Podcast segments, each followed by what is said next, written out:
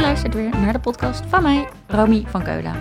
Waarin ik van alles vertel over burn-out, balans en business. Maar naar wie zit je nou eigenlijk te luisteren? In deze podcast neem ik je een paar minuutjes mee in mijn verhaal.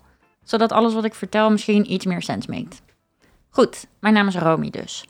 En ik begon eigenlijk als jong guppy te werken in de corporate wereld. Ik had een vette plek gevonden waar ik veel kon leren, echt carrière kon maken en ook nog eens vette reizen kon maken. Oh ja, en ik had superleuke collega's. Nou, kon niet op, zou je denken. Maar steeds vaker begon er wel wat te wringen. De inhoud en de vorm van het werk pasten niet echt bij me, dacht ik. Maar ik dacht dat carrière maken op deze manier best wel hoorde gewoon bij het pad wat ik aan het bewandelen was. Toch begon ik me steeds vaker af te vragen: wil ik dit allemaal wel op deze manier? Ik vond het best wel een harde wereld soms en ik ervaarde steeds minder ruimte voor uh, ja, mezelf, zeg maar. Ik besefte niet echt hoe hoog de lat lag uh, in het werk. Ik race van deadline, van klant naar deadline en weer terug. En uh, ik had best wel vaak paniekaanvallen zo af en toe tussendoor. Nou, dat was dus opeens een ding geworden voor mij. Uh, ik snapte het niet helemaal. Maar ik had altijd een mooi medicijn. Ik boekte snel een vakantie als ik die paniekaanvallen kreeg, want dan kon ik weer even bijkomen. Zo kon ik dus wel hartstikke mooie reizen maken en ben ik vet dankbaar voor alle toffe dingen die ik heb gezien daar. En op een van die vakanties leerde ik Jason kennen. Dat is mijn vriend.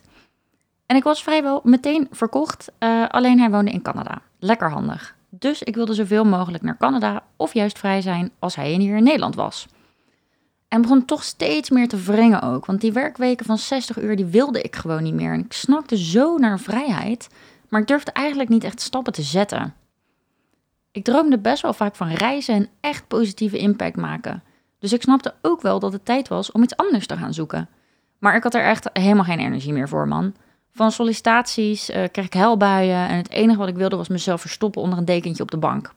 En op het werk gebeurde van alles en ja, ik denk dat ik gewoon echt een beetje functioneerde op adrenaline. En ik kwam in een soort rollercoaster terecht waar ik mezelf niet uit leek te krijgen. Ik had best wel het gevoel dat ik vast zat. Maar goed, eind 2018 gingen Jason en ik samen op reis. Drie maanden naar Colombia en Ecuador. Super vet en man, ik merkte dat mijn energie daar helemaal op was. Ik was angstig, moe, kwam soms ons hostel of onze Airbnb niet uit. En het was echt een vette reis, hè? Echt uh, super dankbaar voor fantastische landen. We hebben vette dingen gedaan. Veel gesurfd, gedoken met haaien, een bruiloft daar die fantastisch was, noem maar op. Maar ik merkte wel dat er iets niet helemaal goed zat. Um, bijvoorbeeld toen ik met Jason halverwege een klim op een berg, uh, die ik overigens zelf had voorgesteld, op de grond ging liggen, letterlijk met mijn neus in het zand en hysterisch begon te huilen. Ik durfde niet echt meer verder te lopen. Ik zag namelijk niet meer zo goed wat links en rechts en boven en beneden was. En uh, ja, ik durfde niet meer te lopen. Terwijl het was, weet je, er kwamen ook twee kids voorbij lopen. Dat was gewoon hun route naar school. Dus dat was, niet zo alsof we een of andere steile bergwand aan het beklimmen waren of zo.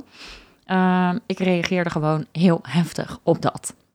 Nou goed, fantastische reis. Um, en ik merkte dus, dus echt wel dat er hè, wat was, maar ik kon het niet helemaal plaatsen. Nou, ik kom terug op werk en het ging eigenlijk downhill. Ik dacht, na zo'n reis moet ik toch opgeladen zijn. Hè? En je ziet in, in die landen ook van alles waarvan je denkt: oké, weet je, ik mag echt niet klagen hier eh, met alles wat ik heb. Maar toch kreeg ik steeds helbuien na bijvoorbeeld een uurtje werken. Dus dan uh, zat ik een beetje stoere muziek te luisteren in de bus naar werk toe. En dan kwam ik daar aan en dan dacht ik, ja, niemand kan me wat maken. En na vijf minuten was ik moe en na een uur zat ik uh, te huilen op het toilet. En ja, even om een lang verhaal kort te maken. Een paar maanden later belandde ik met een burn-out thuis op de bank. Um, wil je daar meer over weten, over dat verhaal, hoe dat nou precies ging? Check dan even mijn Instagram, burnoutbadass. En in de highlight, mijn verhaal, vertel ik daar ja, best uitgebreid over. Anyways, um, met mijn coach besprak ik, die burn-out was eigenlijk een cadeau in een hele lelijke verpakking. Um, en om nou tegen iemand met een burn-out te zeggen, het is een cadeau. Nou echt, ik zou je denk in je gezicht slaan als je op dat moment dat tegen mij had gezegd. Want zo zag ik het helemaal niet.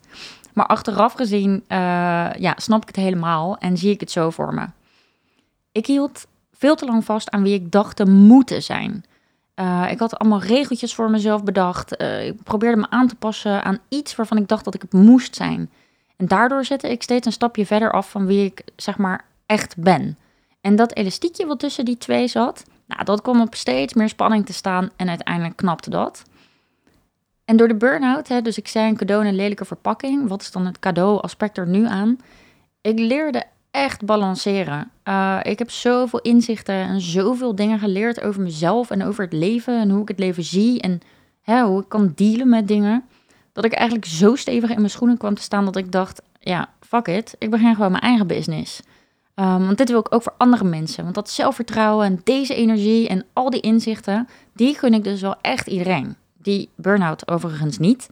Maar ik gun je wel dat je zo hard jezelf zeg maar kan zijn, dat je gewoon lekker doet waar de fuck je zin in hebt. En daarom hoop ik je met deze podcast te inspireren over van alles rondom burn-out, balans en business. Um, dat is de introductie van de podcast. Dan weet je een beetje wat er gaat komen verder. Um, enorm bedankt voor het luisteren. Bart, enorm weer bedankt voor het produceren. Leuk dat je hebt geluisterd. Als je uh, het leuk vindt, dan zou het awesome zijn als je dat wil aangeven in de review-sectie. Dan kunnen andere mensen deze podcast uh, ook wat makkelijker vinden. En als je meer informatie wil, kun je altijd naar mijn website burnoutbadass.nl of mijn Instagram burnoutbadass. Daar vind je allerlei informatie op wekelijkse basis. Maar bekijk ook zeker even de highlights die relevant voor je zijn. Joep, tot de volgende!